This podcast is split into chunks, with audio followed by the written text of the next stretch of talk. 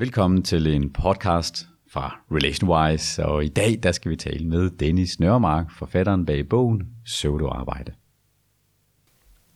Ja, jeg vil godt lige prøve at starte med at lige læse lidt op fra, øh, fra bogen, for det synes jeg, vi kunne tage som en, uh, som en lille udgangspunkt, som en lille start på, uh, på din uh, fine nye bog, Pseudoarbejde, uh, som er Kirsten i interviewet, mm. som er kommunikationskonsulent. Ja. Jeg producerer en årsrapport til virksomhedens koncernledelse, hvor jeg samler information om de forskellige enheder. Det bruger jeg og en kollega nok en tredjedel af et årsværk på. Og så slutter hun af med at sige, og det er fuldstændig ligegyldigt. Hvad, øh, hvad, hvad der sker her? Det var sjovt med, med, med, med Kirsten, det er det, hun hedder der, ikke? Jeg ved, jeg ved godt, hvad hun ja. hedder i virkeligheden, men vi bruger jo dæknavn på alle vores personer. De fleste bliver nødt til at være anonyme. Alle, alle, jeg har aldrig, aldrig, aldrig oplevet at skrive en bog, hvor folk havde så stort behov for at blive anonymiseret, men det kan vi vende tilbage til. Øh, altså Kirsten er egentlig, Kirsten er en af de personer, vi egentlig har indkaldt, fordi at vi også på et tidspunkt annonceret efter mennesker, der bare havde almindeligt travlt. Øh, vi annoncerede også efter folk med det, vi kunne kalde tomt eller meningsløst arbejde. Der havde vi ikke ligesom opfundet termen pseudoarbejde endnu på det tidspunkt. Øh, men vi bad også bare ofte at høre folk, der havde travle. Og, og Kirsten, hun kom ind og fortalte, hvor travlt hun havde. Ikke? Hun arbejdede de der 50-60 timer om ugen osv. Og så, og så spurgte vi lidt ind til, men hvor vigtigt er det, du laver? Og så sker der det med Kirsten, der sker med rigtig mange af de folk, vi har interviewet, det er, at de bliver sådan lidt, ja, yeah, det er et godt spørgsmål. hvad, hvad er det egentlig, jeg bruger min tid på? Og en af de ting, hun kunne nævne som, som, som, øh, som det der, som, som vi så definerer som pseudoarbejde, det er den her årsrapport. Fordi hun jo på den, på den anden også startede med at fortælle, at i den her virksomhed, hun arbejder for, der er jo rigtig mange, der synes, hun er død irriterende. Fordi hun er det, hende der for kommunikation, der hele tiden kommer og render og forstyrrer dem i deres altså rigtige arbejde. Ikke? Og jeg kan ikke lige få noget til den her, vi har det her nyhedsbrev, eller kan du ikke lige stille op til det her billede for det og det og det, og vi skal have noget til hjemmesiden, og vi skal, altså, der er mange mennesker, der op, opfatter sådan nogle kommunikationsfolk som pissirriterende for sit liv ud, ikke? fordi de hele tiden kommer rendende skal have et eller andet til en eller anden publikation. Og, og det, man kan, der har ligesom af undskyldning er jo, det er jo, at det er enormt vigtigt for virksomheden. Og det, Kirsten siger her, det er, det er det faktisk ikke. Der er ikke nogen mennesker, der læser den her rapport. Den ligger øh, i samler støv nede i kælderen i kæmpe store kasser. Hun har tal på, at den er blevet downloadet Måske 20 gange. Og det er jo altså vel at mærke downloads. Vi ved jo ikke, om de mennesker rent faktisk har læst den.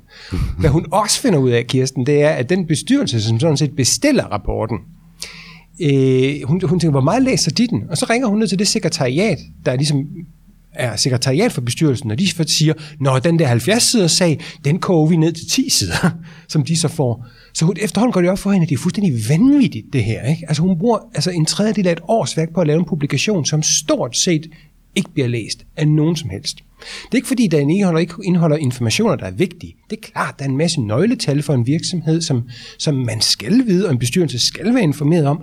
Men, men hun siger, det kan man jo ligge på en eller anden side, så kan de jo downloade det. Det, det kunne jeg samle på en uge de tal der. I stedet for så laver vi den her pompøse publikation med billeder fra alle afdelinger, og alle folk skal til, til, skrive små artikler og alt muligt, til ingen verdens nytte.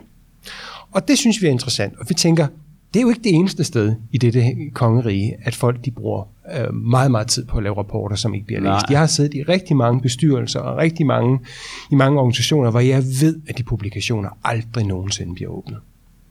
Altså, altså det, det, er jo, det er jo tankevækkende, og man kan jo grine af det, og der er nok nogen, der vil sige, at ah, det er jo så lidt en enlig svale. Ja, men det er men, det ikke. Øh, præcis, det er det ikke. Fordi det er også grund til, at jeg godt lige have dig med ind og, og have en snak med dig, fordi at jeg har, jeg har jo selv oplevet det i mit eget professionelle liv igennem mm. mange år, hvor vi jo hjælper virksomheder med kundemålinger og medarbejdermålinger, altså for at de kan få flere glade kunder og flere mm. glade medarbejdere. Mm.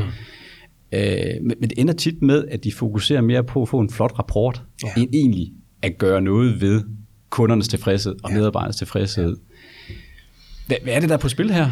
Der, der er det på spil, at vi er begyndt at gå rundt og måle hinanden på forskellige former for aktiviteter. Øh, for forskellige aktiviteter i stedet for virkelig på resultater. Altså det er, at, at i en, en, en anden kontrakt, der står der nogle kopier, der går, at jeg skal have lavet den her rapport, eller vi skal have fulgt op på det her, eller vi skal være tovholder på det her projekt, eller andet. Og det vil sige, at folk bruger en stor del af deres arbejdsliv på at vinge forskellige ting af, de har fået gjort. Øh, og, og, og i stedet for, kan man sige, at gøre sit arbejde, så har vi fået opfundet alle mulige mærke indikatorer på, at vi har fået gjort vores arbejde. På, I stedet for at skabe øh, trivsel og velvære på virksomheden, så skal vi lave en trivselspolitik. I stedet for at bringe sygefraværet ned, så skal vi lave en sygefraværspolitik, eller så skal vi lave en strategi for et eller andet, eller en rapport om, om hvordan det foregår der, der, det sted. Og jeg har selv været konsulent, jeg har selv været med til at producere sådan noget bullshit. Øh, og det betyder altså, at folk, i stedet for i virkeligheden at gøre det, de skal, i form af at være, kan man sige, dygtige ledere, eller fagligt kompetente, eller bare udføre det, de er uddannet til at lave, så laver de forskellige former for visuelle, kan man sige, nærmest sådan, altså manifestationer og konkretiseringer af, at, at jobbet er blevet udført i, i papir eller i PowerPoint eller noget andet, i stedet for rent faktisk at løse det. Og det er en, en bekvem måde for mennesker at lade som om, at noget er blevet fikset på. Øh, I bogen kalder vi det handlingsrationalitet frem for beslutningsrationalitet. Det findes også i mange store organisationer, at man udsætter en eller anden kæmpe stort strategiprojekt i søen, eller laver en eller anden gigantisk undersøgelse af et eller andet tredje, øh, i stedet for bare, kan man sige, at tage en beslutning om et eller andet, i stedet for bare at lede konkret, i stedet for, i stedet for at, øhm, selvfølgelig der er ikke noget vejen med at, at få informationer. Det er altid fint, men vi er ved at kvæles i informationer. Vi kan ikke overskue flere informationer. Vi kan ikke, vi kan ikke komme til bunds i dem. Ja, lad os lige tage det med informationer, fordi den synes jeg jo er, er, er vildt interessant. Mm. Der er et sted i bogen, hvor du nævner, jeg tror det med den nye sundhedsplatform, der er ja. en læge, en overlæge, ja. der fortæller omkring øh, øh, den her nye sundhedsplatform, hvor han skal udfylde, er det mere end 100 spørgsmål? 146 mener jeg det er. Ja. Øhm, og han vil jo egentlig bare gerne bruge tid sammen med patienterne. Lige det er jo hans kerneområde, ja. eller kerne ja. ting, ikke? Ja.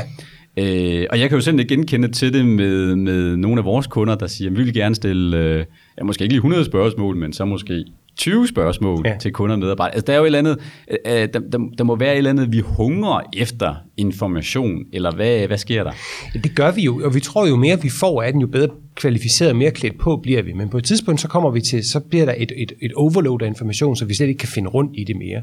Øh, og i det her tilfælde på sundhedsplatformen her, og de, og de andre ting, som, som lægen refererer til, så er det jo igen, fordi der er forskellige andre interesser i systemet. Der er nogen, der har fundet ud af, at der er mange, der går og falder på Rigshospitalet. Jamen, så, er man, vil man, så er der en eller anden igen, der har fået skrevet ind i sin resultatkontrakt, at vi skal nedbringe det antal af folk, der går og falder. Nå, hvad har det så konsekvens? Det har så konsekvens, at, at man tænker, hvordan kan vi screene, faldscreene alle? Det gør, sørger det bare for, at man overhovedet ikke kan komme videre i journalen, medmindre man har stillet spørgsmål om, når fru Jensen, går du så og skvatter? Ikke?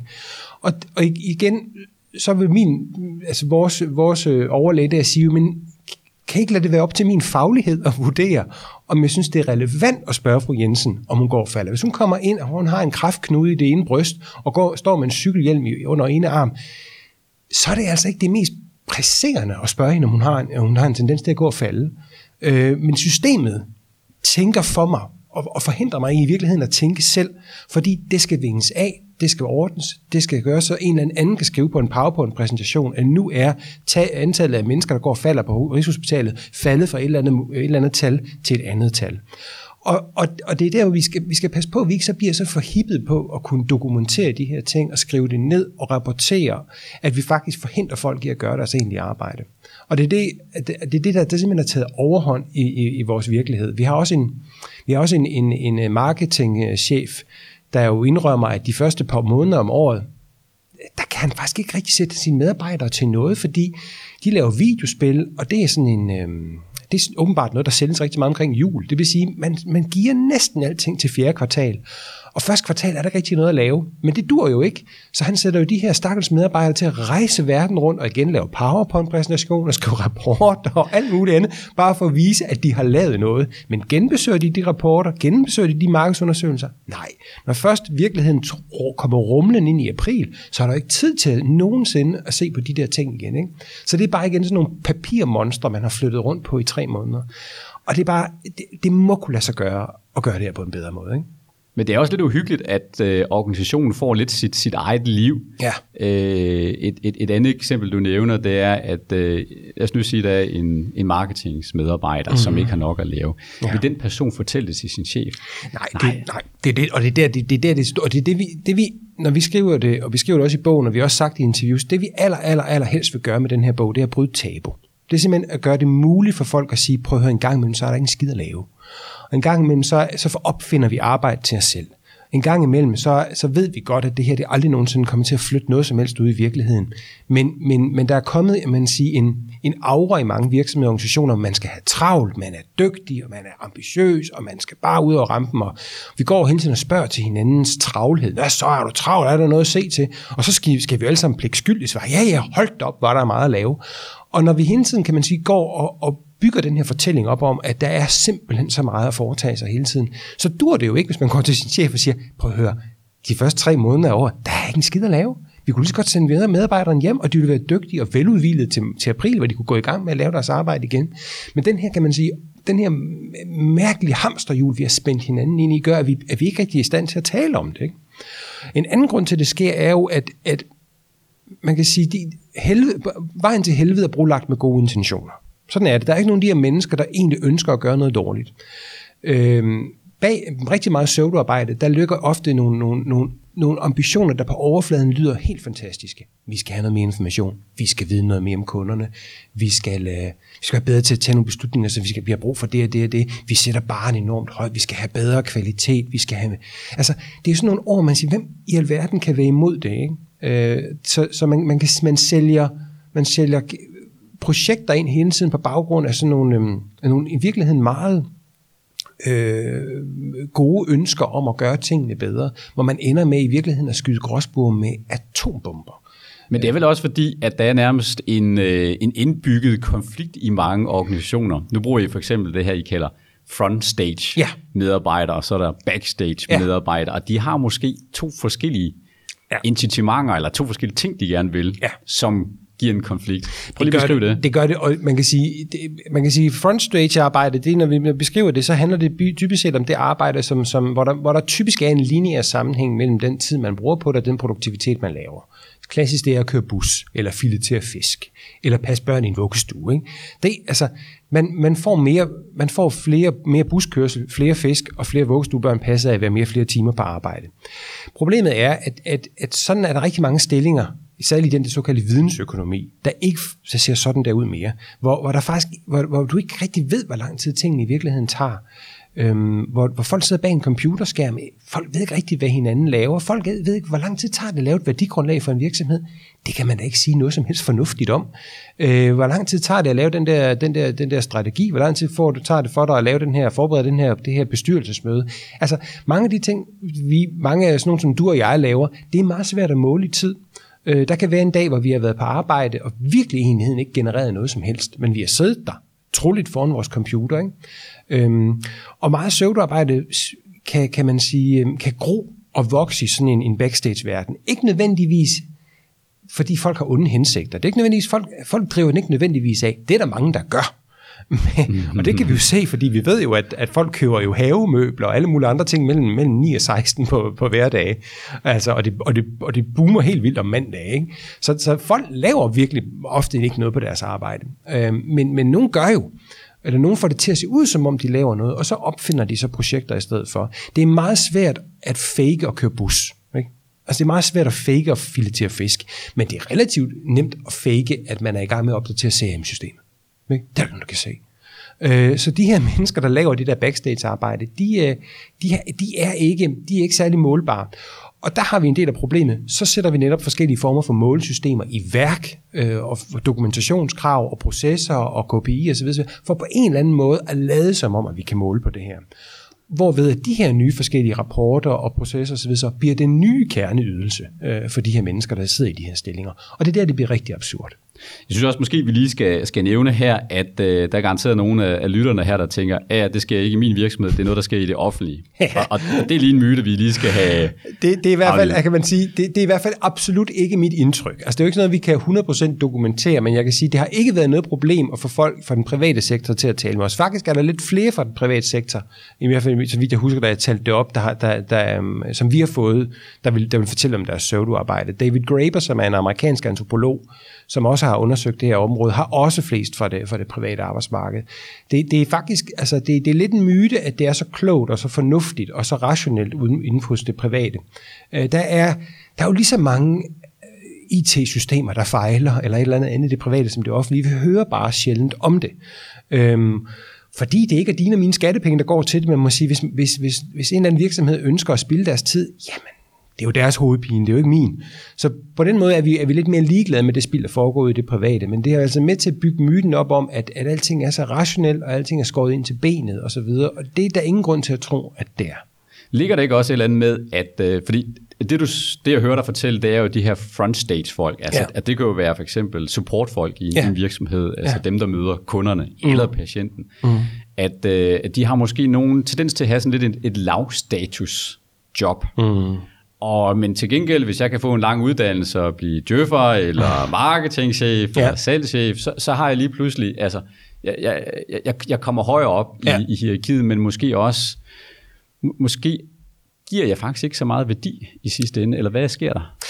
Jamen, det er jo, en, øh, det er jo en, en mega interessant diskussion, og vi åbner også lidt op for den i bogen, at der måske i virkeligheden er kommet en boble på vores arbejdsmarked, at det vi vurderer folk til, øh, det er i virkeligheden er blevet nogle lidt mærkelige kriterier. Altså, man, kun, man kan faktisk godt nogenlunde lave argumentet, at jo mere nyttig og jo mere direkte værdi en, en, en stilling skaber, jo mindre får man typisk i løn for den. Bare kig, bare kig rundt. Hvis du kigger på sygeplejersker, hvis du kigger på læger, hvis du kigger på rengøringsfolk, altså jo mere konkret værdiskabelse der egentlig er, jo mindre får de typiske løn. Men dem, der får rigtig meget løn, det er, de, det er de mennesker, hvor det er en lille bitte smule svært at se, hvordan deres skal man sige, daglige arbejde konkret giver en eller anden form for værdi. Øh, og, og, hvis, og, hvis den, og hvis den analyse holder, jamen så, så, så er der så, så, så, bliver det lidt, så bliver det noget mærkeligt noget, ikke? fordi så har vi altså nogle frontstage-arbejdere, der, der kører busser eller, eller, eller passer patienter osv., osv., som hele tiden oplever, at de der mennesker i de der mere lidt luftige administrative stillinger stiller forskellige snubletråde og problemer op for dem, men hvor de i virkeligheden gerne vil have løst deres arbejde. Der er jo rigtig mange af de her folk, vi snakker med, som egentlig er frontstage-arbejdere, som føler, at de bliver tvunget til at lave ligegyldigt arbejde, fordi der hele tiden er nogen op for et eller andet administrativt kontor, eller en kvalitetsafdeling, en akkrediteringsafdeling, eller en eller anden mellemleder op i en HR-funktion, der siger, at nu skal I øvrigt også gøre det, og har I, har I dokumenteret alle kvalifikationerne hos jeres medarbejdere? Nej, jeg er i gang med at lave mit arbejde. Jeg har simpelthen ikke tid til at rende rundt og lave alle de her mærkelige projekter, I hele tiden opfinder for os. Vi har en, øhm, vi har en lærer på en stor erhvervsuddannelse, der siger, at han kan jo nærmest ikke nå at lave det, der er, hans, der, der er virkelig værdiskabende, altså undervise og lave feedback, fordi der er hele tiden en kvalitetsafdeling, der siger, at han skal dokumentere, hvor meget han har øh, øh, hvor, meget, hvor, meget hvor mange papirer han har sendt ud til sine, til sine studerende, eller skal lave sådan et eller andet lidt fingeret bullshit-forskning, fordi de godt kunne tænke sig at være en forskningsenhed også, og så skal han lave sådan mhm. noget lidt hyggeforskning og bruge 300 timer om året på noget, der aldrig nogensinde rigtig rykker noget, fordi man, det kunne man godt tænke sig, for man kunne godt tænke sig at have en forskningsenhed i, på erhvervsskolen. Ikke? Altså, hvor han i hvert fald oplever, at, at, at han som frontstage-medarbejder, det er du på sin vis at være lærer, ikke? Øhm, altså, at han hele tiden bliver forhindret af nogen op i, i, i, i, en, i en administrativ enhed, der bare vokser og vokser og vokser år efter år, og som aldrig rigtig bliver evalueret på deres bidrag til, øh, til tingene. Så lad os lige tage alle dem, som, øh, som går stresset rundt. Ja. Der nævner du jo faktisk, at, øh, at det kan være en måde at beskytte sig selv på. Ja. At, øh, ja, altså beskytte sig mod mere arbejde, eller hvad?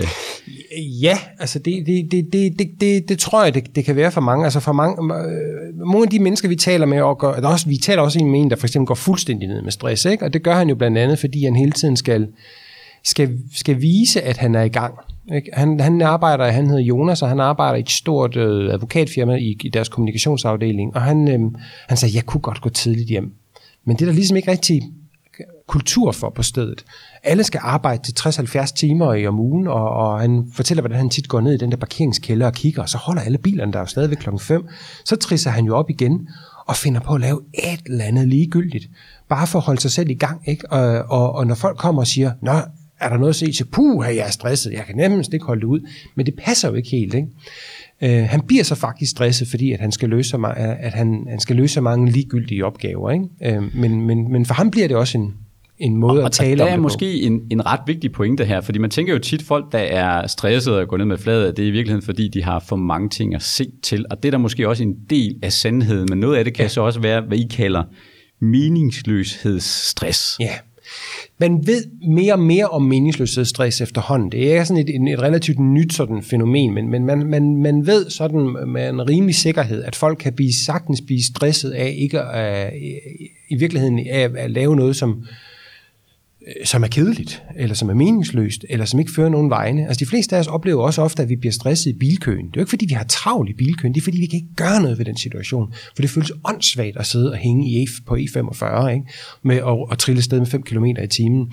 Altså nogle af de mest stressede mennesker er mennesker, der sidder i fængsel. Man tænker, hvad i alverden skulle de mennesker blive stresset over? Så noget tyder på, at vi kan blive stresset over at, at være i et, et, et hamsterhjul, hvor vi ikke kan se, hvad årsagen er til det, vi skal lave.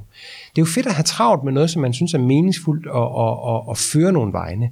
Men hvis man har enormt travlt som Kirsten der med at lave et, en, en årsrapport, og så bagefter kan se, at den bliver ikke læst af nogen, og alle folk synes, de, de er irriterende at medvirke til den, det er jo stressende. Det er jo stressende at være med i, at sidde, sidde i møder, øh, eller, eller arbejde på projekter, man ved, der, der, der aldrig nogensinde rigtig kommer op og flyve alligevel, eller, eller, eller arbejdsopgaver, man simpelthen ikke forstår, hvorfor man skal udføre. Og kan det være, fordi vi simpelthen har mistet jordforbindelsen? Fordi der tænker jeg jo, jeg er jo den, der er tæt på kunden, uh-huh. eller tæt på sine medarbejdere. Ja. At de, de kan jo godt se, når jeg gør en forskel for dem og gør dem glade. Ja. Altså, det giver jo mening. Ja.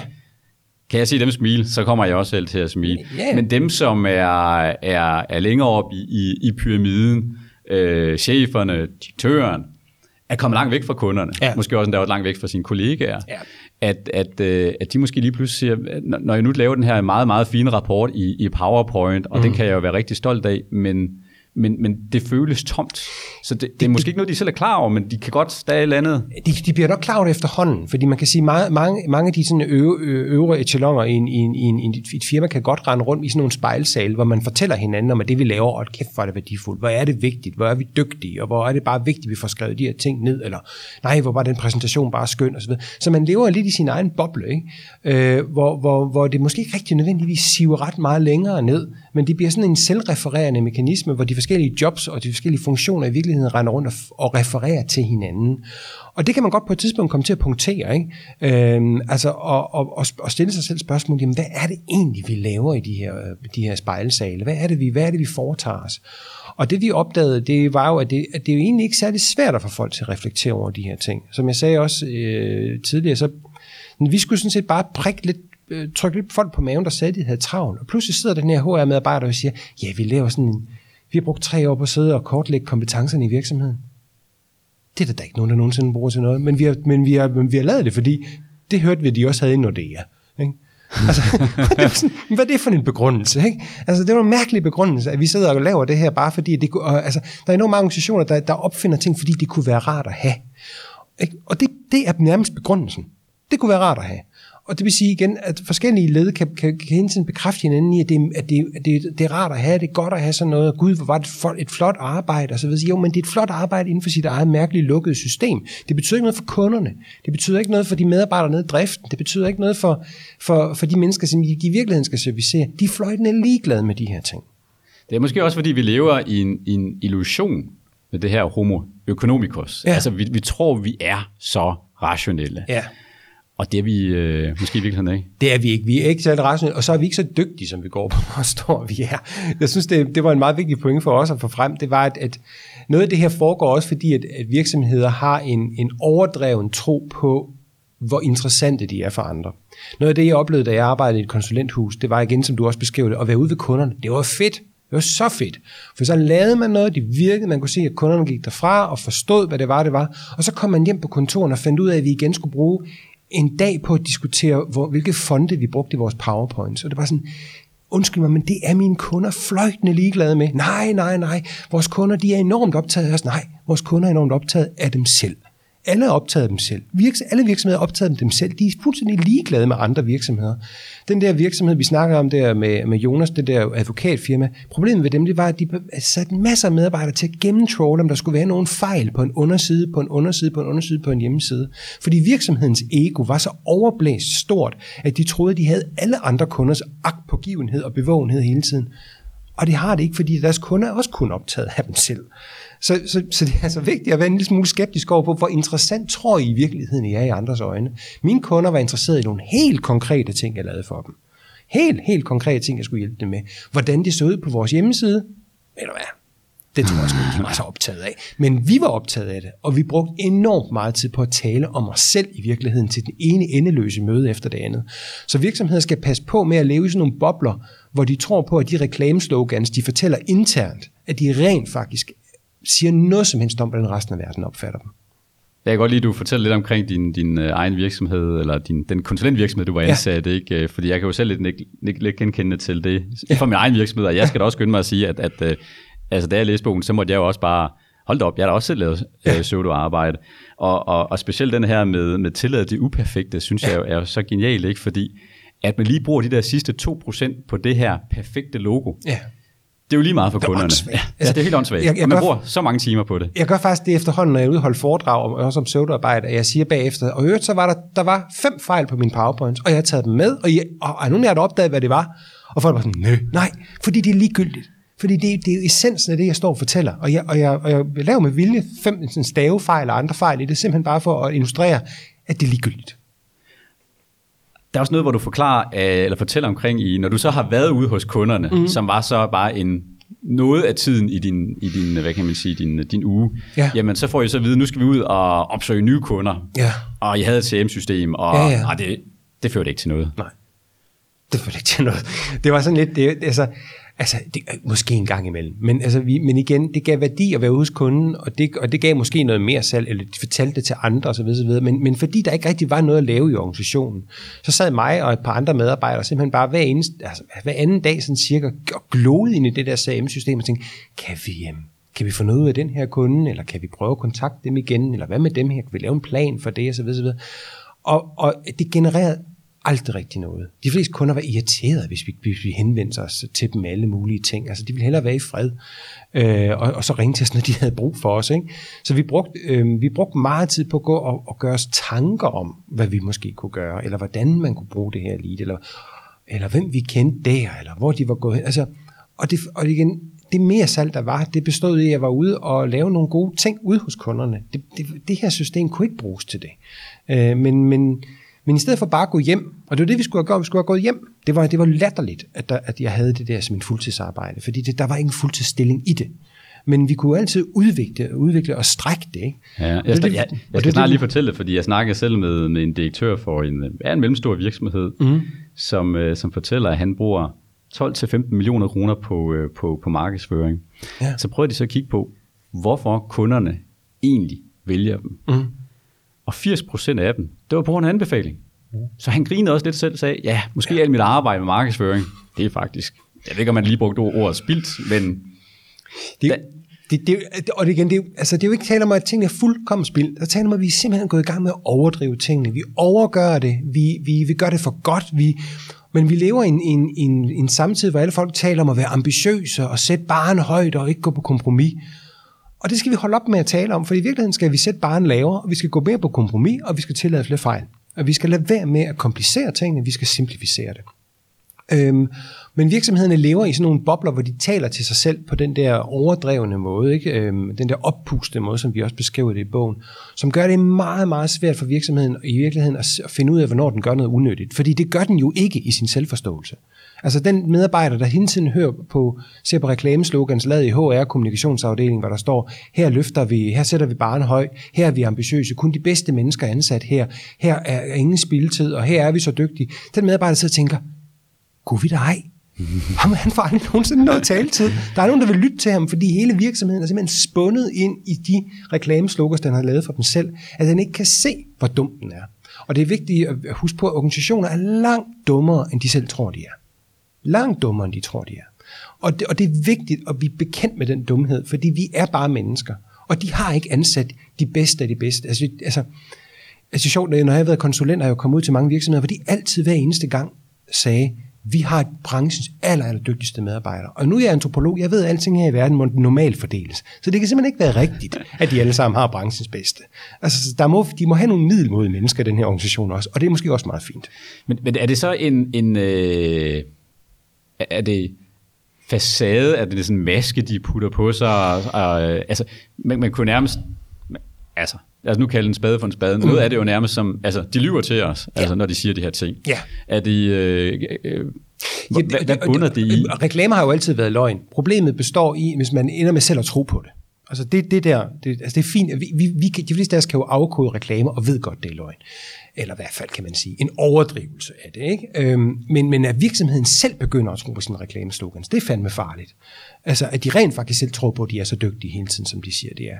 Fordi så er det, at de, at de, at de, at de at de for det første gør det umuligt at tale om søvdearbejde. Så bliver, tæv, så bliver søvdearbejde totalt tabu, for det findes jo ikke i vores organisation.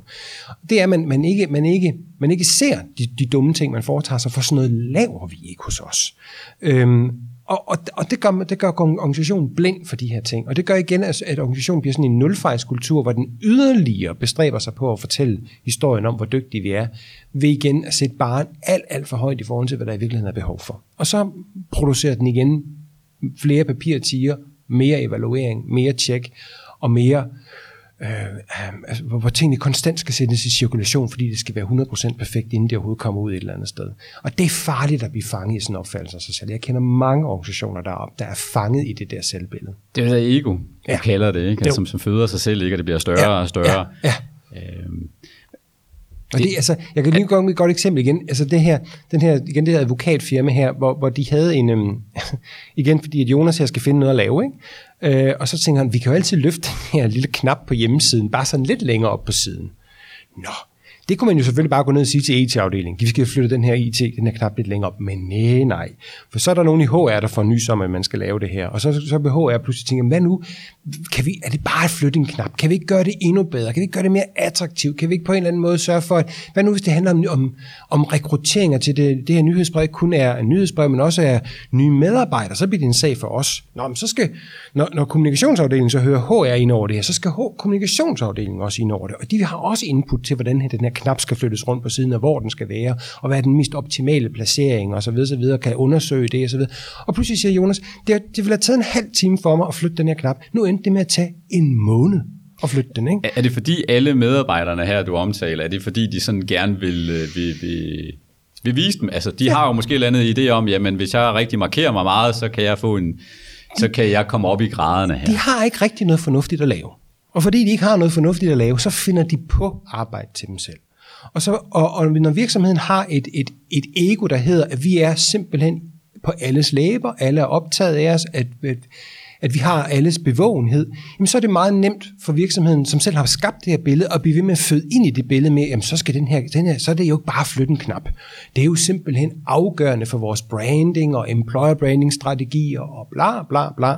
Og derfor skal alle de her kejserens, øh, hvad hedder det, øh, øh, hvad hedder det, tropper selvfølgelig også på en eller anden måde være involveret i det, og kigge på det, og komme med input til det osv. osv. Igen fordi, at, at, at, at, at for at bekræfte organisationens idé om sin egen vigtighed. Og det er det, Jonas der siger meget sjovt. Han siger, og vi har jo i virkeligheden skabt et uhyre i kommunikationsafdelingen. Det er jo os, der har gået og fortalt de her folk, hvor vigtige vi er. Og nu slås vi så med i virkeligheden det her overpustede ego, som gør, at vi hele tiden skal overgøre tingene mere og mere og mere. Fordi vi jo selv fortalt partneren i advokatfirmaet, at vi er så vigtige, og der er 17.000 stakeholders, der holder øje med os, og bla bla bla. Ikke?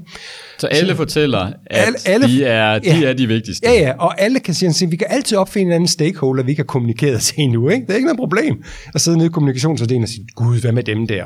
Og tænk nu, hvis de der fandt ud af det, eller opfinde, skrive papirer på, hvis en eller anden forfærdelig presse, øh, altså hvis, der, hvis du siger dårlig presse på det og det og det, og ligesom forlås, gå i gang med at skrive et eller andet dokument, der måske kunne klæde en partner på at tage en eller anden sag i pressen på en, en, et, en, en risici, der aldrig nogensinde opstår. Ikke? Hvad med at have en, en mand, der var dygtig til at håndtere situationen, når den opstår, i stedet for at lave krisedokumenter på forhånd? Ikke? Altså, det er sådan noget. Her slutter del 1 med Dennis Nørremark. Tak fordi du lyttede med. Hvis du gerne vil inspireres yderligere, så kan du finde vores gratis bøger på vores hjemmeside relationwise.dk.